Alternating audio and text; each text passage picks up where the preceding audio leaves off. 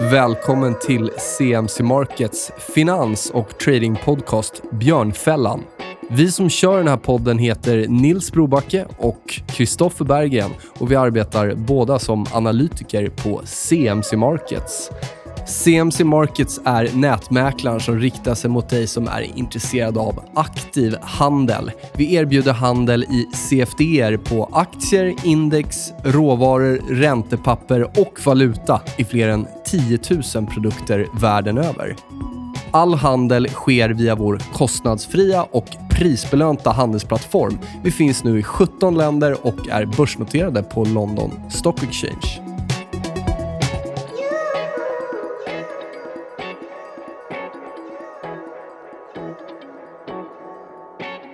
Då drar vi igång avsnitt 79 av vår podcast Björnfällan och idag har vi med oss Erik Lundqvist som är chef för kapitalförvaltningen på Coeli.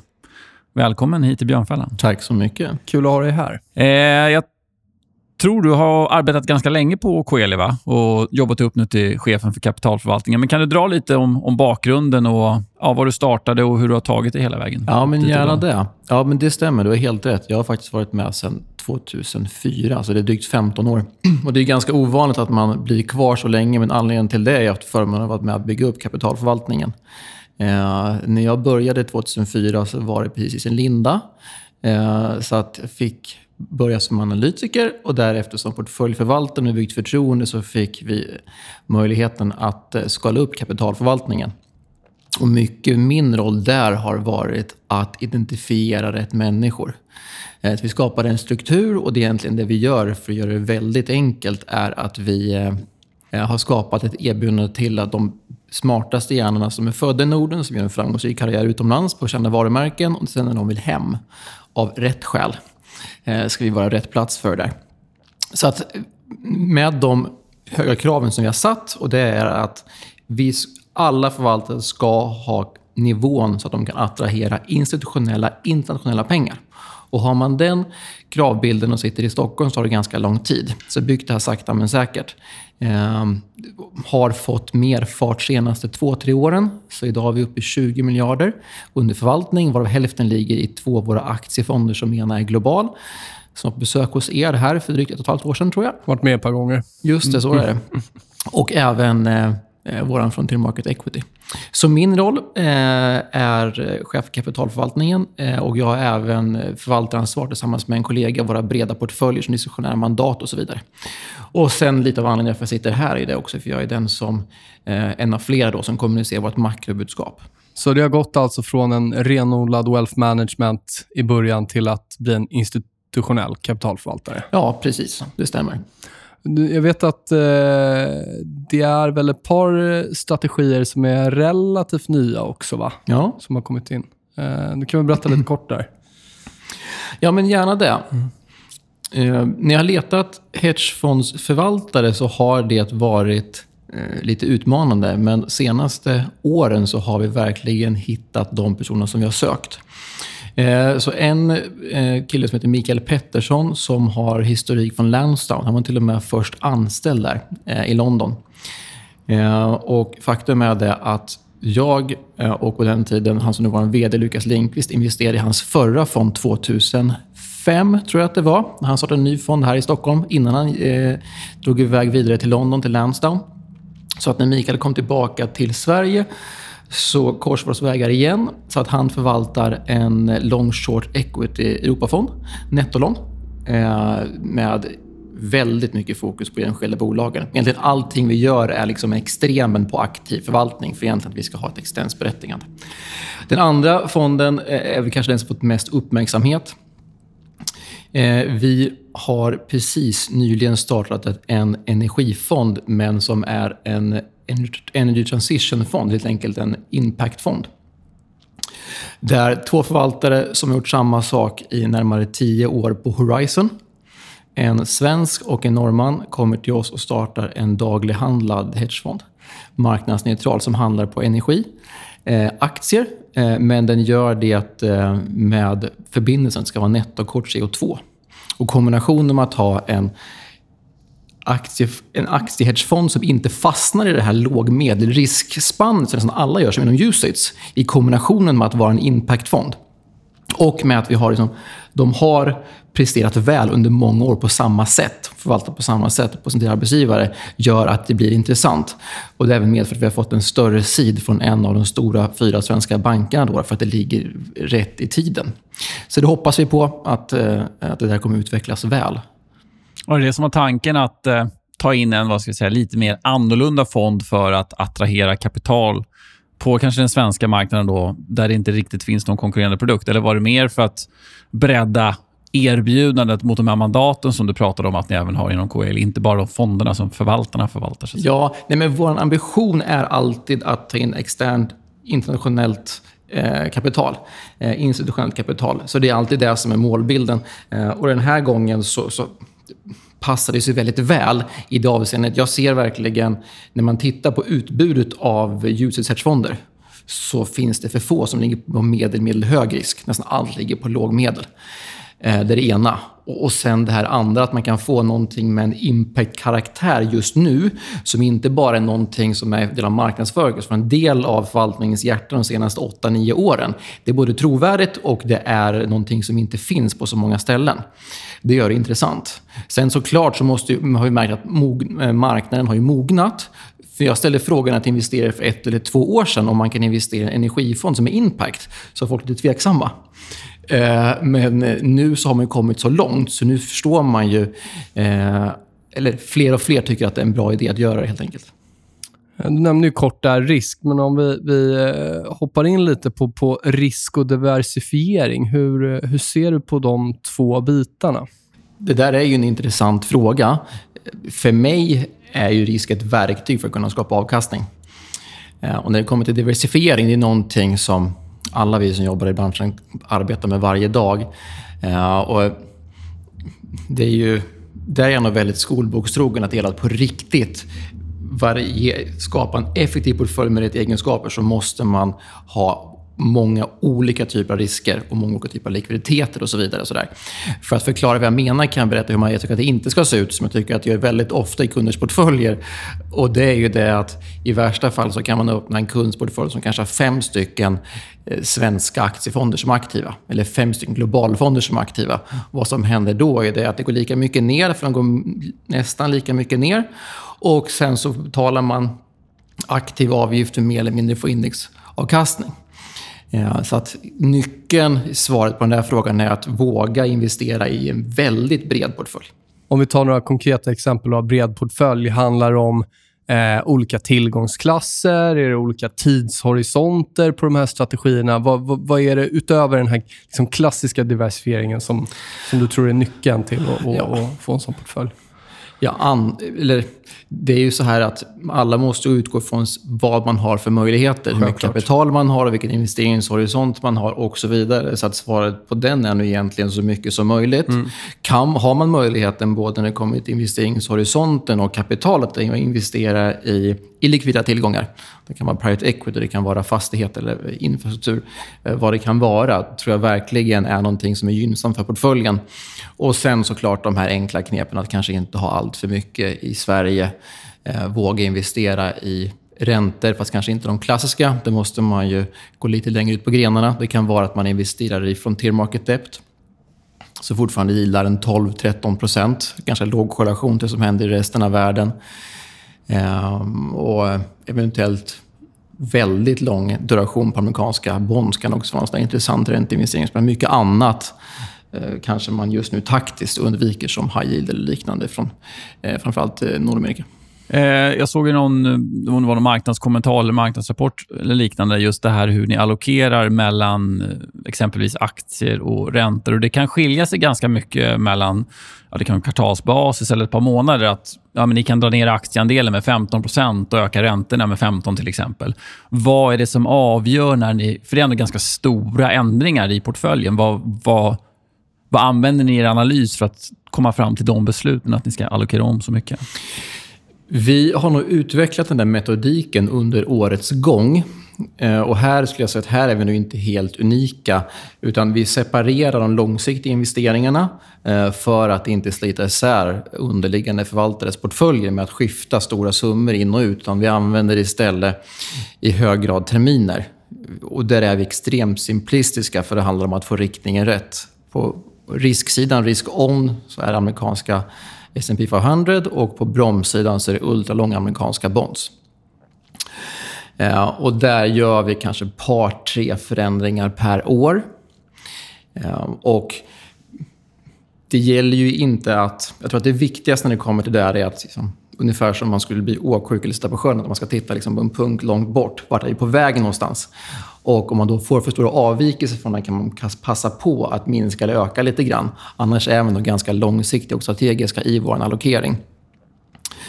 Eh, men det är klart att det fanns perioder under året när det gavs ganska bra tillfällen att investera. Jag tycker framför allt så har de getts på, på räntemarknaden. Där det har varit stora svängningar eh, i takt med riskaptiten vilket har kunnat skapa stora fördelar portföljmässigt för att skapa skydd i portföljen. Eh, vilket man då fick nytta av under, under sommaren. Du gillar ju att prata makro, vet jag. Eh, vi kan väl eh, ta lite kring det. Vad är din syn på den globala makrobilden i, i dagsläget? Eh, tack. Eh, ja, det är en väldigt intressant fråga. För att göra det enkelt för oss att summera så är ju faktiskt så att börsen är en väldigt bra indikator vart konjunkturen är någonstans. Och tittar vi på amerikanska S&P som visserligen just nu helt nyligen gjorde ett nytt high, så är det ju så att rensar bort för inflationen så har det ju mer eller mindre inte hänt någonting på nästan två år sedan januari 2018. Så den stora frågan som marknaden står och frågar sig är att kommer vi ha kvar i de här småcyklerna? Vi såg igen 2010 till 12, vi hade krisen i södra Europa. Vi hade en 2015-16 när det var den här dubbla oron för avmattning i både Kina och USA. Vi är på de bottennivåerna just nu. Eh, så antingen vänder det uppåt eller så helt enkelt på väg in i lågkonjunktur. Det är den stora frågan som marknaden ställer sig. Och det känns som att konfidensen i det här är extremt låg. Det är därför vi ser de här extremt stora eh, svängningarna. Och det intressanta är det att om vi ser vad marknaden bombarderas med information så handlar det mycket om att IMF, Världsbanken skriver ner eh, prognoserna på tillväxt. Vi har Brexit, vi har eh, liksom ett handelskrig där Trump och Xi Jinping har någon form av dans med ett steg framåt och två steg bakåt. Ehm, så allt det där är ju inprisat. Så för att göra rätt i investeringen i en portfölj ska man se vad som händer om 6 till 9 månader. Och då kommer man nästan alltid tillbaka som de senaste åren. var ju Fed och var tog man den kinesiska regimen? Och då är det så att tittar man på investerarvärlden så är man besviken på vad som har hänt i Kina. Man hoppades på att när Kina saktar in och bara en väldigt kort tillbakablick på det så är det ju så att Kina hade ju saktat in innan handelskriget bröt ut. Det var ju så att Xi Jinping sitter där på livstid, eh, är det ju sagt i alla fall. Och när han tycker att ekonomin går bra så har han en tendens att ta tag i problem som han ser i ekonomin. Och då innan handelskriget började så var det precis en sån här period när han eh, skruvade åt något som han var orolig för och det är det som på finanslingo heter shadow banking och på vanlig svenska egentligen bara är oreglerad eh, utlåning. Som framförallt är ett sätt eh, för små och medelstora bolag att finansiera sig. Det här var gigantiskt i USA. Jag hade förmånen att eh, vara en, en, av deltagarna på en frukostföreläsning där eh, gamla chefsekonomen för kinesiska centralbanken var med och pratade. Och han sa att tanken var att man skulle stega ner där. Men det var inte så rätt som de trodde. Så det blev som att falla ner för lite stup. Och precis då när det här skedde, när man fick den här avmattningen i Kina som blev större än man hade tänkt sig, då eh, blev det eh, det här handelskriget med, med USA. Men i och med att Xi Jinping sitter på så lång tid är det ganska intressant. Han vet om att ifall jag stimulerar för mycket så är det jag som kommer få ta hand om de sidoeffekterna. Så om man tittar på de siffrorna, de indikatorerna som Xi Jinping är intresserad av, exempelvis lönetillväxt, så ligger den på ungefär 6 realt. Tittar vi på eh, jobbskapande så är det också fortfarande väldigt starka siffror. Så han är nöjd. Den politiska regimen i Kina är inte alls lika stressad som vi i finansvärlden är över vad som händer i Kina. Så förväntansbilden på Kina är att de fine-tunar eh, ekonomin efter bästa förmåga och kanske närmar sig tillbaka till 6 eh, Och då är den stora frågan, räcker det för att stabilisera den lågkonjunktur som vi ser i tillverkningsindustrin? För det var ju faktiskt så att i och med den här double whammen vi såg i Kina, både med den inhemska eh, avmattningen som var självorganiserad och då handelskriget, så fick vi en lågkonjunktur i tillväxtindustrin i Asien som sen spred sig till den exportdrivna delen av Europa, framförallt Tyskland, som vi även ser i Sverige. Eh, så att den stora frågan är under nästa år, kommer Kina göra tillräckligt mycket för att stabilisera det här? Ja, sannolikt. Så vi kommer få se en botten, men frågan är hur mycket återhämtning vi får se. Det är där marknaden står lite grann. Så det finns en risk att de här svagheterna som vi ser både i Sverige och Tyskland kommer fortsätta. Eh, I alla fall så kommer de eh, inte förbättras. När det kommer till USA så låg ju de i det här avseendet senare i cykeln eftersom att eh, lågkonjunkturen till industrin slog till först i år. Och nu är man ju mitt inne i den. Skillnaden på den här konjunkturen, det är alltid farligt att säga, eh, men jag sticker ut hakan, eh, är det att mot tidigare cykler så stod ju tillverkningsindustrin för så mycket större del av BNP. Idag står amerikansk tillväxtindustri för ungefär 10% av BNP och 11-12% av jobbskapandet. Vilket gör att det måste till något mer för att USA ska in i lågkonjunktur. Det är fortfarande så att närmare 70% av USAs BNP, som de flesta känner till, är hushållen, alltså konsumtion. Och ni vet ju hur de har det. Det är historiskt låg arbetslöshet, det är historiskt låga räntor ehm, och det är meningsfulla löneökningar. Vilket gör att det kommer bli en avmattning. Vi ser en avmattning i amerikansk ekonomi, men den är för en hög nivå. Och som sagt, det måste till något mer för att Eh, USA ska komma ner i lågkonjunktur. Sen är frågan om amerikanska ekonomin kommer ner kanske på 1,5 procent nästa år. Vad är då skillnaden på, liksom, på svag tillväxt mot en mild lågkonjunktur? Eh, men det är fortfarande mitt huvudscenario att det måste till någonting nytt för att världen ska in i en lågkonjunktur. Men det är klart att handelskrig och allting annat geopolitiskt ökar risken och känsligheten för den. Men min syn är fortfarande att det är för tidigt att positionera sig för en eh, lågkonjunktur. En intressant förändring som vi har sett sen sommaren är maktförskjutningen mellan USA och Kina när det kommer till handelskriget. Eh, innan sommaren så var ju Kina i alla fall i offentligheten ganska tillmötesgående mot USA. Men när Trump återigen började twittra där i slutet på vår semester, slutet av juli, eh, så ändrade ju Kina strategi och satte hårt mot hårt.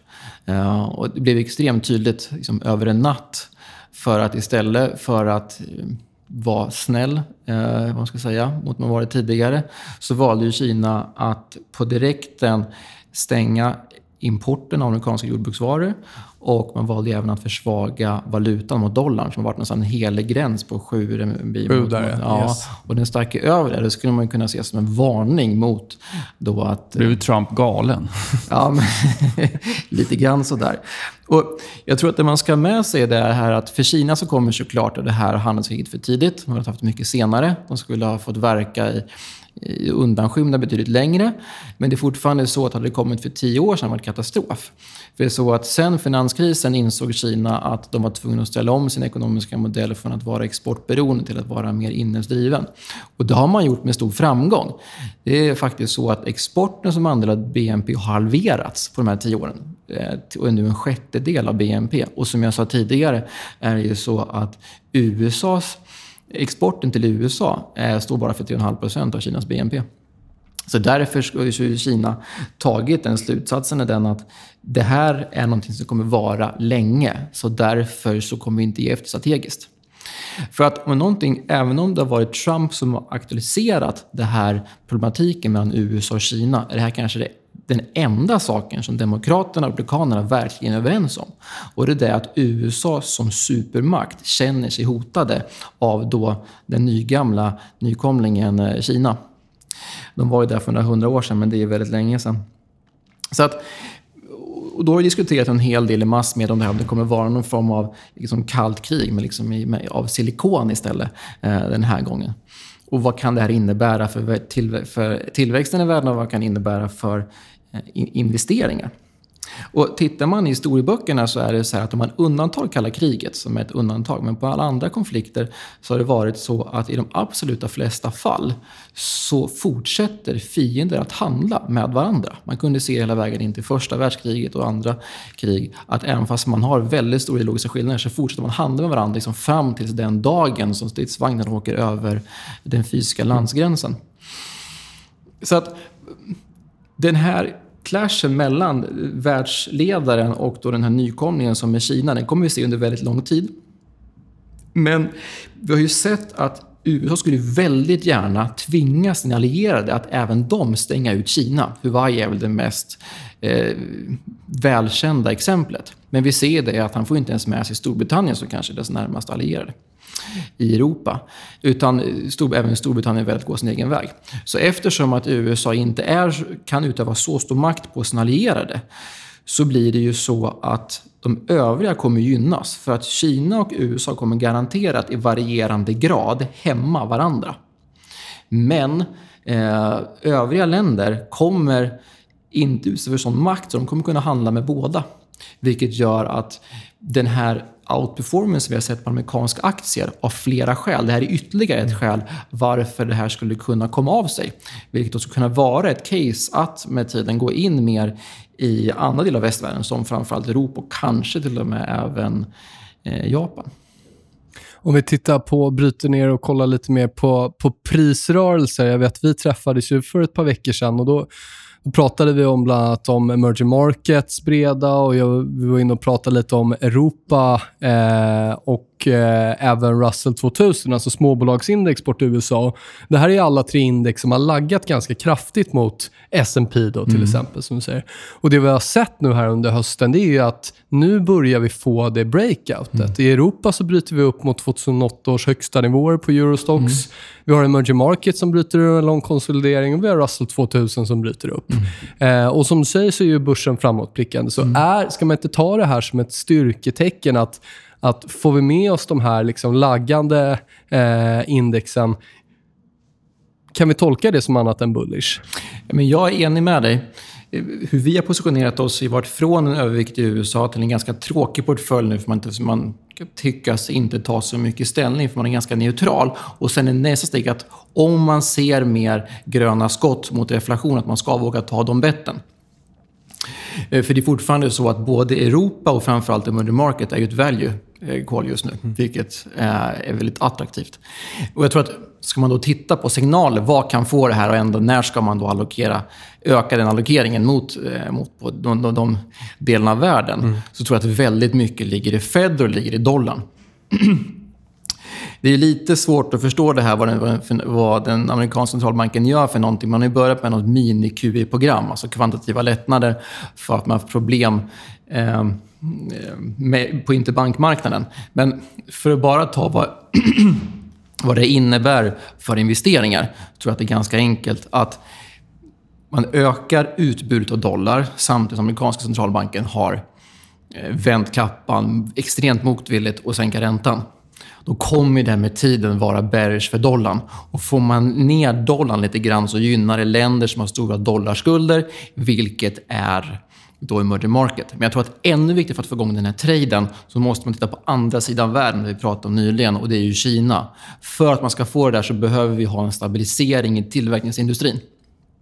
Och den kommer bara komma från Kina. Eh, så Kina är fortsatt en nyckel för nästa år. Så jag är enig med att det är där man ska göra. Frågan är bara när man ska våga stiga in rejält. Och där är inte jag än i alla fall. Jag tycker att det är för tidigt för att vi ser inte... Kina har fortfarande Eh, Kina ekonomiskt är att vi ser fortfarande på ganska svaga siffror. Vi ser inte på den här stabiliseringen som många har hoppats på.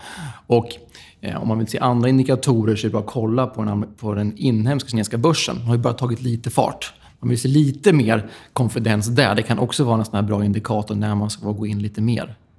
Hur ser du på det här eh, gällande ekonomisk data från Kina? Att, eh, många är ju kanske överens om att man ska inte lita på den till 100% Sen är frågan hur fel är den eller hur rätt är den och så vidare. Men hur ser du på det? Lägger du på någon form av säkerhetsmarginal när datan kommer in? För att man kanske kan konstatera att den är ännu inte 100% Det var någon torr ekonom som sa att det är ekonomerna sätt att visa att de har humor när man tittar på decimaler när det kommer till kinesiska siffror. Uh, och det är väl ungefär på den nivån som man ska vara. Um, man vet att Kina har sagt här in rätt så rejält jämfört med tidigare år, men samtidigt så är storleken på ekonomin så stor så att det är fortfarande ungefär samma bidrag till den globala BNP. Så då är egentligen frågan, hur stor roll spelar de här små variationerna? Ja, inte så mycket, men det finns ju ändå vissa indikatorer som kan vara viktiga att titta på. Och Det är ju bland annat förändringen i budgetbalansen som de faktiskt visar. Vilket, sen är det svårt att veta liksom exakt fördelningen vad som är infrastrukturinvesteringar, vad som kanske är skattesänkningar, vilket vi har sett under året framför allt. Så det finns ju en hel rad indikationer på, på Kina och helt ärligt talat, man kan titta på liksom, import eller exportsiffrorna och ärligt talat ser det rätt bra här i Norden vad som händer med tillverkningsindustrin. För Kina är så totalt dominerande när det kommer till det där. Om vi hoppar över på Brexit. Eh, det är ju lite av en never-ending story och, och, och skämten ha, haglar fram och tillbaka eh, kring liksom obeslutsamheten och de nya direktiven hela tiden. Vad är dina tankar om Brexit? Jag vet ju att du, du har, ja, men, kikat på det där. Ibland funderar jag på om Bryssel har misstagit Storbritannien för Nordkorea eh, på det sättet som de eh, behandlar dem. Det brittiska parlamentet misslyckas tre gånger med att rösta igenom ett förslag och Bryssel fortfarande tycker att det är den bästa idén, det bästa förslaget, då kan man undra lite vad de håller på med. Eh, så när nu Skottland och Storbritannien kom överens hade ju Bryssel inget annat val än att säga ja. Och det där är ganska viktigt att ha med sig för att anledningen till det här är ju att de ledande i Bryssel känner sig allt mer osäkra på det folkliga stödet. För den här evigt ökade integreringen Eh, har ju nått stort motstånd och det ser vi ju enklast i andelen människor i Europa som röstar på politiska partier. Mm. Och då blir det ju så att det finns en stor alternativkostnad för Bryssel att låta Storbritannien lämna och att det ska bli framgångsrikt. Vilket gör att de vill att eh, göra Storbritannien till ett riktigt dåligt exempel så ingen någonsin ska våga lämna. Ehm, och det säger ju en del om statusen på den här eh, unionen. Men en sak är ju klar och det är det att lämna Storbritannien så blir det en rejäl lågkonjunktur i Storbritannien. Och jag skrev en blogg om det där när jag skrev att det kan bli historiens investeringstillfällen det blir en hård Brexit. För det är nämligen så att 21 procent av Storbritanniens BNP är export till EU. Bara en liknelse med det där, alla pratar ju om handelskriget mellan Kina och USA. Där är samma siffra 3,5 procent av Kinas BNP är export till USA. Så det kommer bli en rejäl lågkonjunktur i Storbritannien om det blir en eh, Brexit. Det är intressant att du säger om det blir en Brexit. Du är mm. inte helt övertygad med andra ord. Som ja, många andra, som de skjuter ja. fram det hela tiden. Vi har ju 12 december som ett nytt Aha. datum att hålla oss fast vid som skulle vara nyvalet. Och googlar man hur polisen ser ut så har vi leder Tories med kan vara närmare 10 procent. Eh, men det är fortfarande så att det här blir ju en andra folkomröstning om Brexit, vilket gör utfallet blir ju extremt svårt att veta var det tar vägen någonstans. Så det finns ju en liten risk att man slutar året på att man har en koalition där kapitalfientliga Labour är en del av styret. Och då kan man nästan börja börja om igen. Så därför säger jag om. Mm. Men det intressanta är att det här är så extremt viktiga frågor för Storbritannien. För det är så att om vi får en Brexit så vet vi det att Skottland hade ju en folkomröstning för några år sedan. När de bara några procentenheters marginal röstade för att stanna kvar i det förenade kungadömet. Och vi vet ju också det att i Skottland är det en stor majoritet som är för att vara kvar i EU. Så att det kommer bli stora konsekvenser om vilket håll det går. Blir det en, en Brexit så tror inte jag... alltså, många, om man tittar på Boris Johnson, eh, har ju sett honom som lite som en vilde. Men i takt med det han gör så får han ju högre och högre status i Europa, även om han gör det på ett okonventionellt sätt.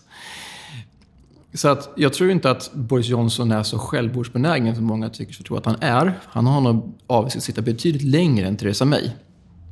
Så som jag skrivit om tidigare så är min tro att Boris Johnsons väg till framgång för Storbritannien är att göra en Trump, alltså make Great Britain Great igen. Och vad menar jag med det? Jag menar det att det finns en stor sannolikhet enligt mig att blir det en Brexit så kommer Boris Johnson försöka göra det som Trump gjorde för att få fart på ekonomin. Och det handlar om stora skattesänkningar för både bolagen och hushållen.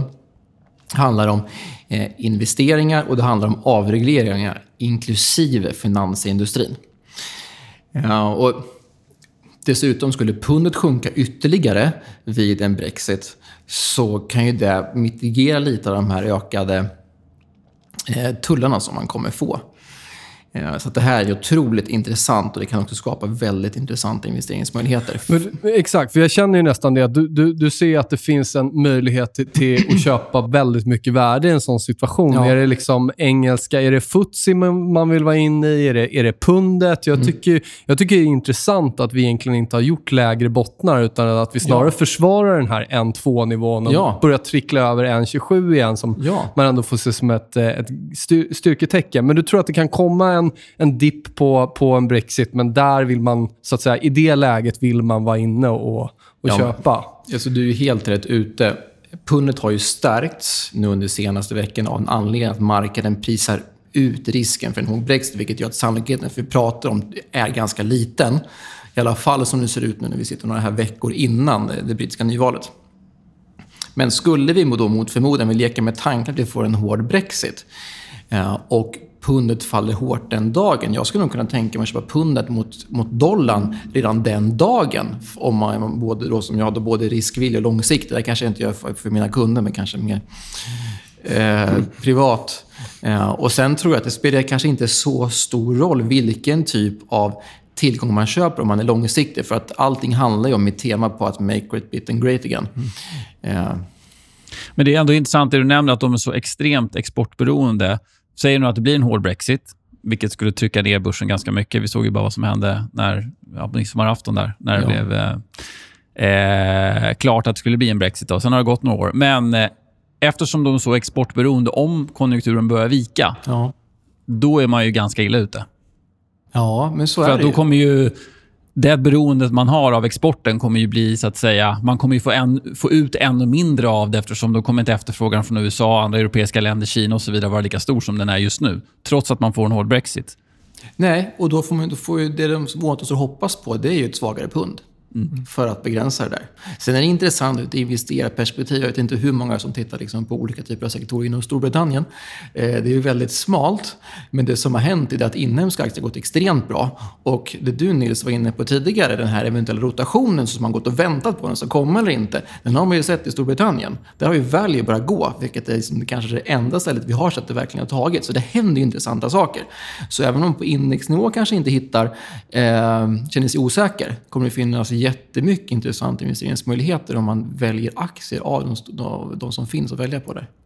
Du pratade tidigare där om att eh, ja, Europa är value play, emerging markets är value play. Är det, tittar ni på faktorer och så vidare när ni, eh, när ni tittar på mandaten utanför så att säga, de förvaltade fonderna? Är det någonting ni använder i er allokering? Att gå mot momentum eller value eller hög, alltså bolag med hög direktavkastning eller vad det nu kan vara för någon typ av bolag? Nej, inte alls faktiskt, av den enkla anledningen att vi försöker vara riktigt bra på en sak. Och det är då att göra aktiv förvaltning på riktigt. Exempelvis, vår globalfond har 30 innehav. Det är det som är den risken vi tar. Sen lägger vi på ett lager av taktisk allokering ovanpå, men så gör vi faktiskt ingenting annat. Men det är klart att jag skulle kunna investera i en, en ETF på, vid ett extremfall mot pundet eller mot futsin och sånt där bara för att göra en, en, någonting som är extremt unikt. Men det ligger absolut ingenting som vi gör normalt sett. Om vi håller oss kvar i Europa då. Tyskland har ju, nu har det väl senaste siffrorna tror jag bromsat in lite i alla fall, men tidigare under året här så har det sett ganska stökigt ut där. Ja. Och Det är en extremt viktig ekonomi för Europa. Mm. Eh, vi såg den tyska tioåringen var nere på minus 0,7 som mest. Nu har den kommit upp lite, 0,4 eller 0,5 och sådär. Eh, vad är din syn på, på den tyska ekonomin? Ja, men det globala perspektivet så är det ju svårt att vara imponerad över Europa. I flera konjunkturer har det varit Kina och USA som avgör både riktningen och som får att vända när vi kommer in i lågkonjunktur. Och jag ser tyvärr inga tecken på att det där ska förändras. Så Tyskland sitter fortfarande i händerna på framförallt det som händer i Kina men liksom övriga världen det, har, det, är ett, ökande tryck på att spendera mer fiskalt. Tittar du på den tyska ekonomin så är det så att varenda del av ekonomin har överskott. Om du kollar på företagen, på hushållen, eller på staten eller på utrikeshandeln. Det är överskott precis var som helst. Så det är klart att en ekonom tycker att här, det finns en ganska enkel lösning på många problem. Och det är det att Tyskland börjar spendera mer. Det skulle ju lösa upp mycket problematiken i när man ser inom EU och EMU med ett Södereuropa eh, som lider Medan för Tysklands del kanske euron är för svag. Ehm, och det skulle också lätta upp på riskerna för kommande handelskrig. Eftersom att skulle Tyskland stimulera så skulle ju de öka eh, importen från amerikanska varor, vilket kan vara en sån där kommande risk under, under framtiden. Då. Så att när det kommer till Tyskland, det är klart att det är oroande. Eh, och tyvärr så ser man ingen nära förestående intern lösning. Det finns ju en liten jokerlek. Det är det att man skulle öka den fiskala stimulansen, alltså eh, stimulera från finans, eh, finansiellt håll, är ju att man ska göra den här omställningen till ett hållbart samhälle. Som då den tyska finansministern har varit inne på. Men i samma mening säger han ju att det här kommer vi göra först när Tyskland är inne i en riktigt djup kris. Så eh, jag tror tyvärr att det kommer vara som det har varit ett bra tag till. Och när det kommer till liksom tyska tioåringen som du sa var nere på minus 0,7 procent så är det intressant tycker jag att göra liksom en tankeexperiment med att om du lånar en väldigt stor summa pengar 95 procent av det där låser du in i ett kassavalv och 5 procent stimulerar du med. Och sen så använder de pengarna i kassavalvet och betalar tillbaka bondsen när den förfaller. Så det är en penningmaskin att ha negativa räntor. Men att politiker komma hela vägen dit, det känns ju helt extremt. Men ärligt talat, varför inte när räntorna är negativa? Om vi hoppar över på USA då. Det är ju i princip eh, den marknad som inte har gått ner mot negativa räntor. Och vi såg ju från i höstas tror jag, en toppnotering på 3,25 så var vi faktiskt här nere i början av september och, och testade lite drygt 1,4% vilket var tvärt konsensus. Mm. Um, om vi får ett scenario med negativa räntor. Nu såg jag att Trump var ute igår va? och twittrade att han, han tyckte det var orättvist att, att alla andra gjorde det, men, inte de. Men oavsett Trump, då, om vi får ja. ett scenario med negativa mm. räntor i, även i USA, vad, vad kan det innebära? Ett scenario vi aldrig sett förut och Eh, I alla fall, om jag tittar på korrelationen, senast, eh, liksom, om vi backar både lång tid historiskt men även sen i höstas, att det har inte varit ett jättestyrketecken för börsen när räntorna har kommit ner så mycket. Vad, liksom, har vi någonting vi kan säga eller är det uncharted territory och, och ovissheten är liksom 100% Men som du är inne på, det är ju, ska man bry sig om att yieldkurvan är noll eller inverterad. Med andra ord att eh, långa räntor är, eh, har gått ner så mycket. Jag tror att det är farligt det här, för att det är så att yieldkurvan har ju varit en av de mest robusta indikatorerna för lågkonjunktur de senaste cyklerna. Men det är också inte särskilt svårt att se att det förekommer ett stort globalt arbitrage på räntemarknaden. Jag menar, alla vi har ett behov av att skydda våra portföljer. Och har man negativ ränta, som ni var inne på, minus 0,7 procent på en tysk tioåring. Det är inte så svårt att titta lite bredare och titta på vad som händer på amerikanska räntemarknaden. Så att delvis svaret på din fråga är det att den amerikanska räntan är lägre än annars skulle vara eftersom att vi har de här låga räntorna i Japan och i Europa. Mm. Sen är det ju så att tittar vi på, läser man ekonomisk historia och tittar på perioder där man inte har eh, en ökning i antalet av befolkningen som arbetar så har man egentligen ingen riktig inflation heller. Och I USA är ju inte där, men i Japan är det på väg dit. Så det finns ju en, en annan ny värld som vi kanske har framför oss där vi inte har någon riktig inflation. Men det gör egentligen bara investeringskrisen ännu intressantare. För med det i bakhuvudet så är det ju så att även om, om amerikanska tiden gått ner så mycket som du säger så är det en av de få riktigt intressanta hedgerna man har om man tror att det ska bli en lågkonjunktur. Och Visst kommer den studsa upp lite grann, vilket den har gjort, mm. när man får lite mer risk-on. Men det är fortfarande så att jag tror inte någon av oss i rummet ska rädda för inflation. Så det är fortfarande ganska låg nedsida på den där. Eh, och man kan klittra ännu längre ut på grenarna och ta ännu mer duration. Då får man fortfarande mera yield. Eh, så att jag tycker fortfarande att det där är en av de få intressanta investeringarna som en portföljhedge. Och jag är helt säker på att jag är långt ifrån ensam. Eh, där därav då priset på det idag. Mm. Och Du säger det, vi har ju faktiskt sett en ränta som har börjat ticka upp igen och, och på samma sätt som räntenedgången eh, inte historiskt har varit något styrketecken så om vi tittar på vad som har hänt nu när räntan har börjat ticka upp så har vi ändå sett liksom de här sektorerna som har laggat, som vi pratade om tidigare, som har brutit upp. och eh, eh, Det har gått från att vara en, en trade som väldigt få vill vara i till att bli väldigt crowded. Så man kan ju vända på steken och säga att har vi nu satt en, en långsiktig botten i räntan så, så ska det vara bullish för aktiemarknaden. Det ska vara även bull enligt mig för koppar och, och till viss del även energi. Eh, men även till exempel tillgångar som guld och silver som har gått väldigt, väldigt bra. Eh, om vi backar tillbaka till förra sommaren, eh, snarare negativt för, för de tillgångarna. Um, hur ser du på det? Kan vi, liksom, finns det ett scenario där vi har satt en långsiktig räntebotten och, och, och uh, i så fall, uh, bör det vara uh, positivt för aktiemarknaden? Det är en väldigt intressant fråga.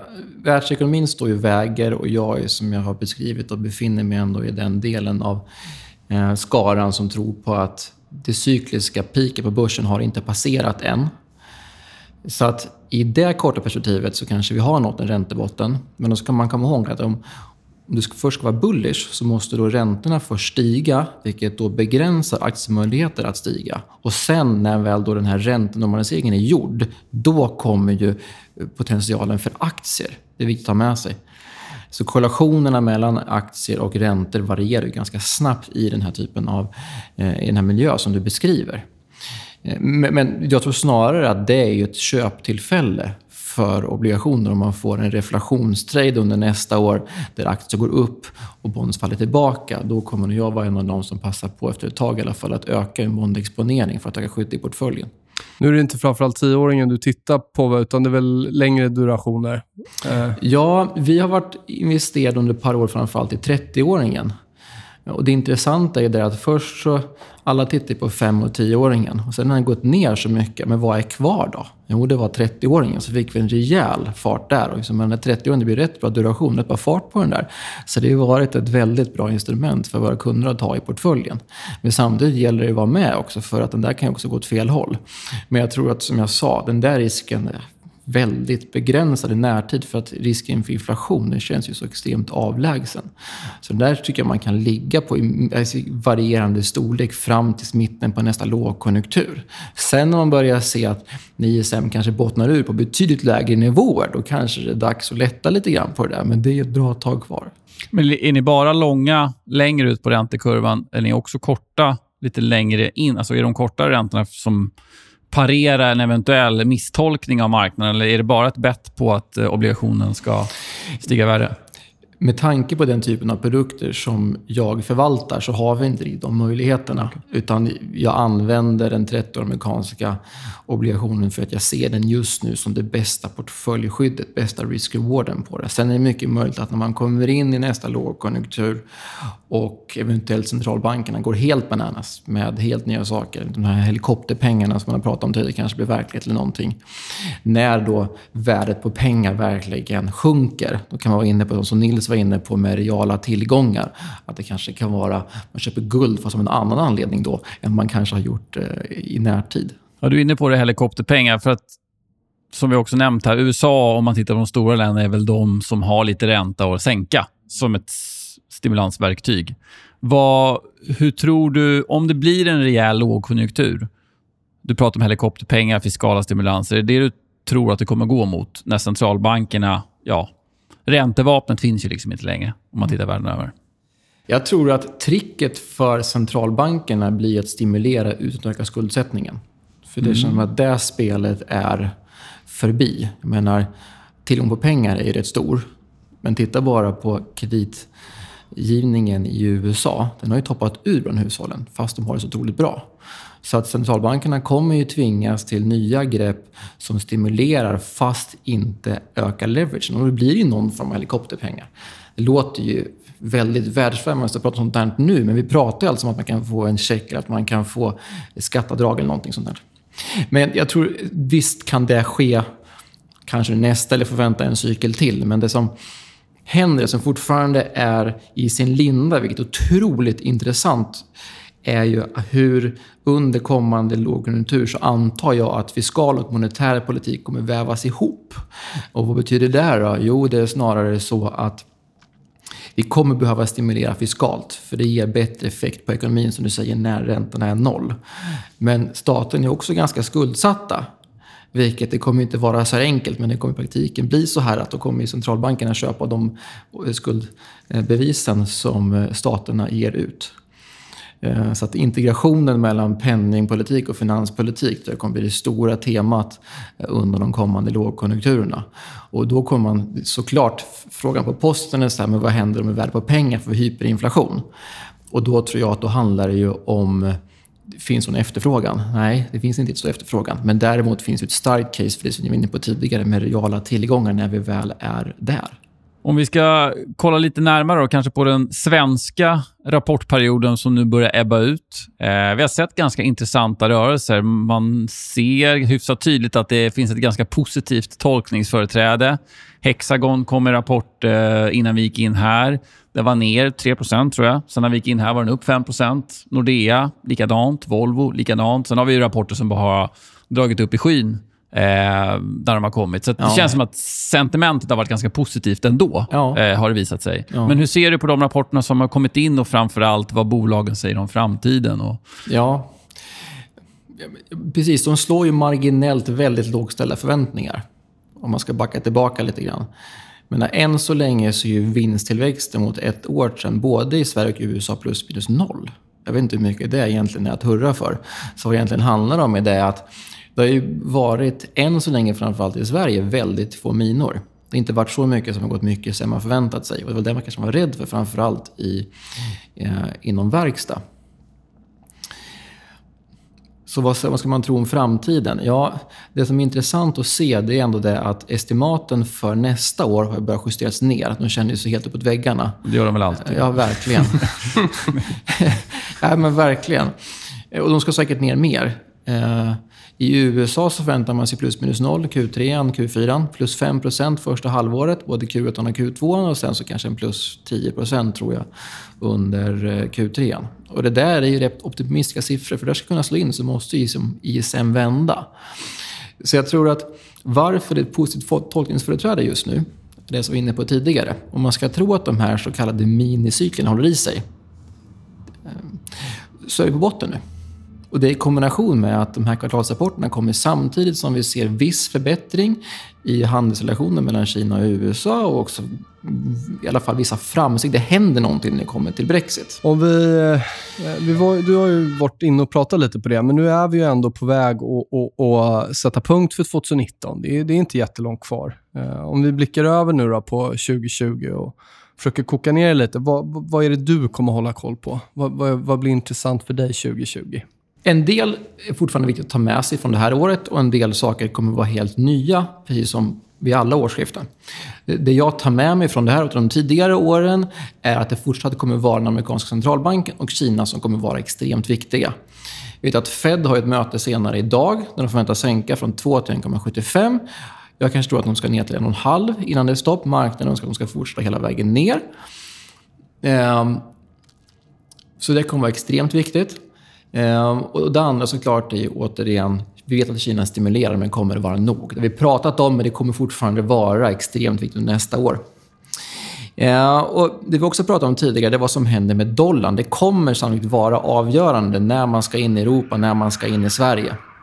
Jag tror dock inte att den här value growth som alla hoppar på mot värdebolag Eh, så historiskt lågt eh, prissatta mot growth. Jag tror inte vi är där än, så den letar jag inte riktigt efter än. Ett annat stort investerartema som har börjat viskas lite om eh, men det är ju det amerikanska presidentvalet.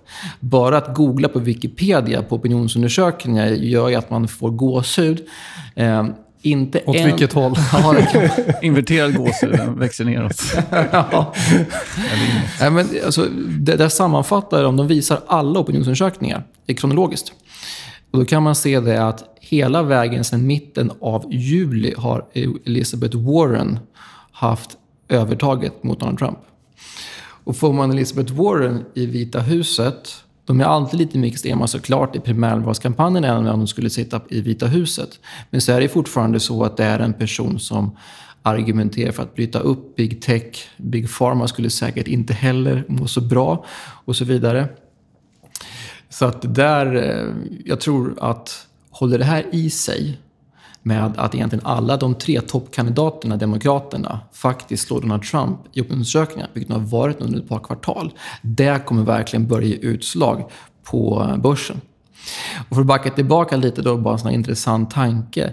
Det är det att om nu Xi Jinping och Trump kommer överens så kan man ju, det är svårt att tolka det på ett annat sätt när Xi Jinping då vill att Trump ska bli omvald. För att den här fas 1, eller vad det nu ska kallas, den här partiella lösningen, handlar mycket om att Kina ska köpa jordbruksprodukter. Och det är ju från swing states i det amerikanska presidentvalet. Eh, och anledningen till det skulle ju kunna vara att eh, Trump är ju ingen ideolog. Han är ju en affärsman. Han, är, han drivs, av- drivs av transaktioner. Att det är lättare att komma överens med en sån person än den som kan tänkas kommer in i det Vita huset eh, eh, om ett år.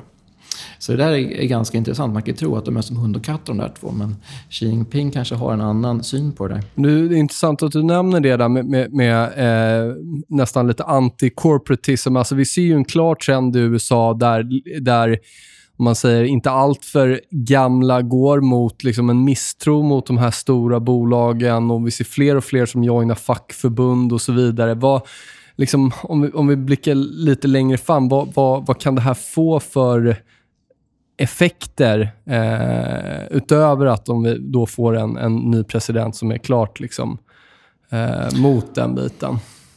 Ja, om ni minns så var det en extremt mycket snö i Sverige där 2016 när Trump blev vald. Eh, och då hade jag turen att bli inbjuden till amerikanska ambassaden den där morgonen eh, för att höra på en av våra tidigare statsministrar om vad han trodde det här skulle innebära. Jag hade egentligen bara en enda fråga till honom.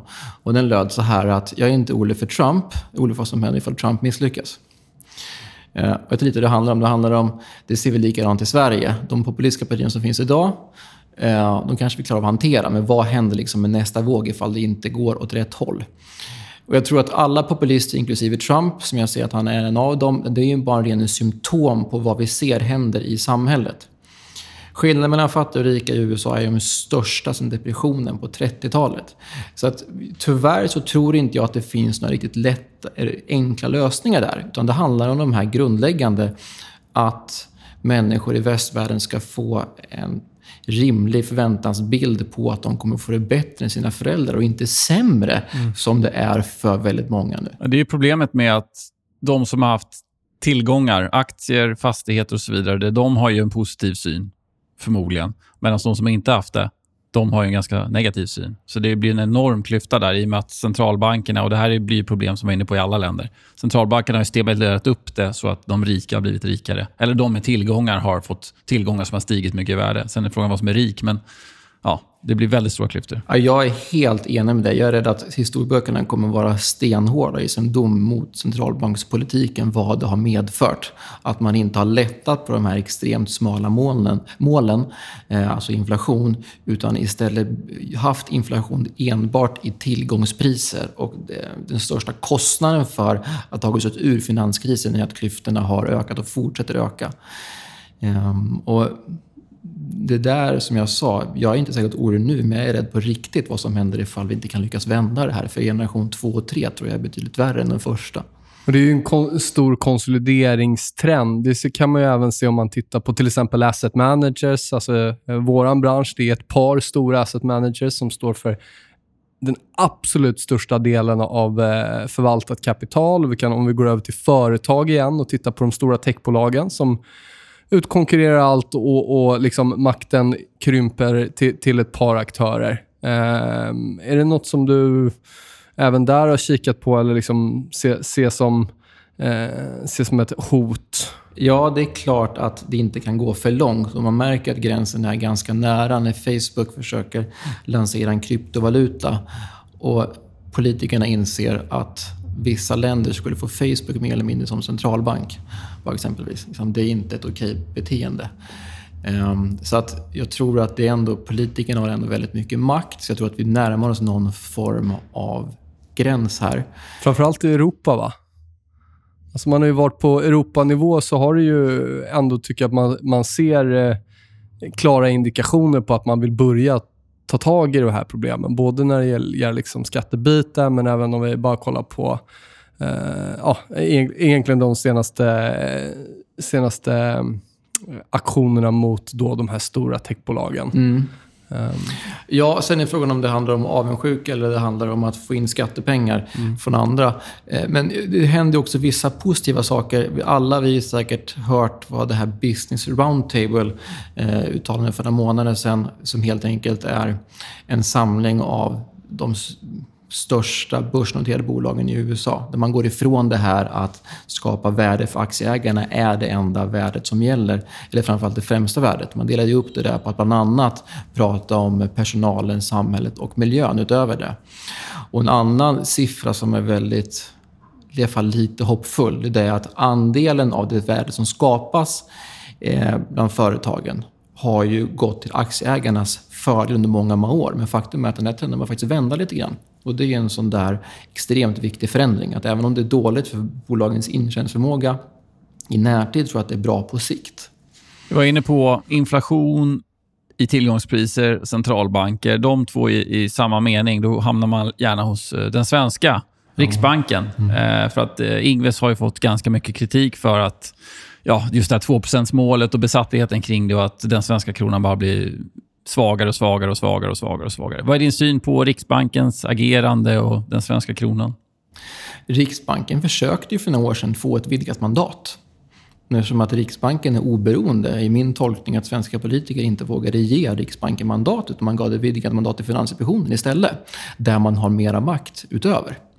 Det är också en tanke att fundera lite över. Eh, så att jag ser nog det som att Riksbanken har ett uppdrag från riksdagen som de helt enkelt uppfyller. Eh, så att om man ska titta åt något håll så är det snarare de som har gett dem målet. Och ska man då titta på varför kronan utvecklades som de har gjort eh, så är väl det kanske inte helt omöjligt att tänka sig att någon form av betyg till hur politiken har förts i Sverige. Men ett sådant exempel är att BNP har varit stark i Sverige. Eh, men BNP per capita är ju bland de absolut lägsta, som kanske inte är den lägsta i Europa under de senaste åren. Om vi eh, byter ämne då. Vi har ju pratat eh, en hel del här idag, men om, om, vi försöker koka ner lite. Vad är det för indikatorer utöver det som vi har pratat om här som du tycker är intressant att titta på för att prognostisera framtiden? Ja, utöver då yieldkurvan som vi har pratat om, som jag fortfarande inte kan ignorera, men kanske inte lika, lika mycket vikt som andra av de skälen som har nämnts tidigare. Så man framförallt titta på indikatorer som kan vara viktiga att ha med sig för att kunna identifiera liksom, kommande problem på börsen. Eh, så tror jag faktiskt lite som det var innan förra krisen, alltså innan finanskrisen, att det är räntemarknaden som man ska ha koll på. Och det är den enkla anledningen att de, finanskrisen 08 var ju så djup så de flesta embryon på bubblor som skulle skapa nästa kris, de försvann. Men vi byggt, alltså jag tror inte vi är där än, men det som där har hänt störst förändring, det är ju på kreditsidan. Man framförallt i USA har lånat väldigt mycket pengar för att köpa tillbaka aktier. Så jag tror att om man hamnar någonstans där såklart high yield-spreadar eller att det finns liksom något enskilt stort bolag det finns mycket förtroende kring som ligger precis där kring gränsen mellan high yield och investment grade men som ligger på investment grade-sidan. Som smäller på ett eller annat sätt. Det tror jag skulle kunna vara en sån här indikator som man verkligen ska ha koll på, som skulle kunna ha någon form av snöbollseffekt. För där finns det mycket oro för vad som skulle kunna hända är det att om kollektivet som ligger precis ovanför high yield puttas ner eh, i high yield så kommer det skapa enorma flöden. Från allt från risk parity-fonder som vi inte har så mycket här i Europa utan framförallt i USA men även andra ETFer. Vilket skulle kunna skapa en stor oreda på eh, finansmarknaderna. Men ska man ta ett nu perspektiv på det här så är det fortfarande så att kreditspreaden är extremt tajta, vilket visar att företagen fortfarande har god tillgång till att låna pengar. I alla fall vissa bolag, de som är så stora som kan ta in den typen av pengar. Och det är också så att tittar vi på realräntorna eh, för resten av ekonomin så är den ju plus minus noll i USA och den är ju som ni vet kraftigt negativ i, i resten av eh, världen. Så det ska man ändå ha med sig när man tittar på likviditet. Men jag tror att likviditeten är extremt viktiga med sig. Och det är faktiskt så att i och med de här problemen man haft på interbankmarknaden som kan vara lite för svår att förstå i USA, det ska man ta med sig där är det att USA har ju, eller amerikanska centralbanken har ju vänt igen och faktiskt trycker pengar igen. Vilket också ökar likviditeten, vilket är viktigt. Så jag tycker att likviditeten är eh, eh, väldigt viktig när man är i den här delen av eh, cykeln. Du pratade där om investment grade ner till high yield. AT&T blev ju nedgraderade för kanske en månad sedan nu, men det var bara av Moody's, har jag för mig. De andra två tror jag inte nedgraderade AT&T. Ja. Ja. Sen har det varit smart, pratat med General Electric, men de har också klarat sig. Uh, så det är ju... Ett av de här stora bolagen i det lägre segmentet i investment grade blev ju nedgraderade. Ja. Men sen följde inte de andra ratinginstituten efter. Nej, och det är klart det måste... det kan ju vara en trigger måste... framöver. Ja, det visar ju bara att man har börjat nedgradera ett så stort bolag som AT&T till eh, skräpstatus, ja, säger en del. Precis. Och jag tror att det krävs ju flera för att det ska ske. Mm. Eller så ska det vara att det har skett någonting som ingen har väntat sig. Liksom någon som kommer mer oväntat för att det, det ska ske. Kanske, kanske egentligen helst, även fast det väl inte ska hända såklart, någon form av oegentlighet. Eh, som egentligen sänker förtroendet för den här typen av agerande som vi har sett. Härligt. Då tycker jag att vi, vi knyter ihop säcken här. Vilket intressant eh, samtal, va, Kristoffer? Mm, som vanligt, mycket information att smälta. Ja. Du, Erik, stort tack till dig. Jag hoppas att vi får möjligheten säkert här om eh, en tid framåt. Och får du komma tillbaka så följer vi upp de här bitarna ja. helt enkelt. Ja, vi har ju diskuterat eh, väldigt många områden, så det finns garanterat mycket att prata om i senare avsnitt. Säger vi så. Tack för idag. Tack, tack ska du ha.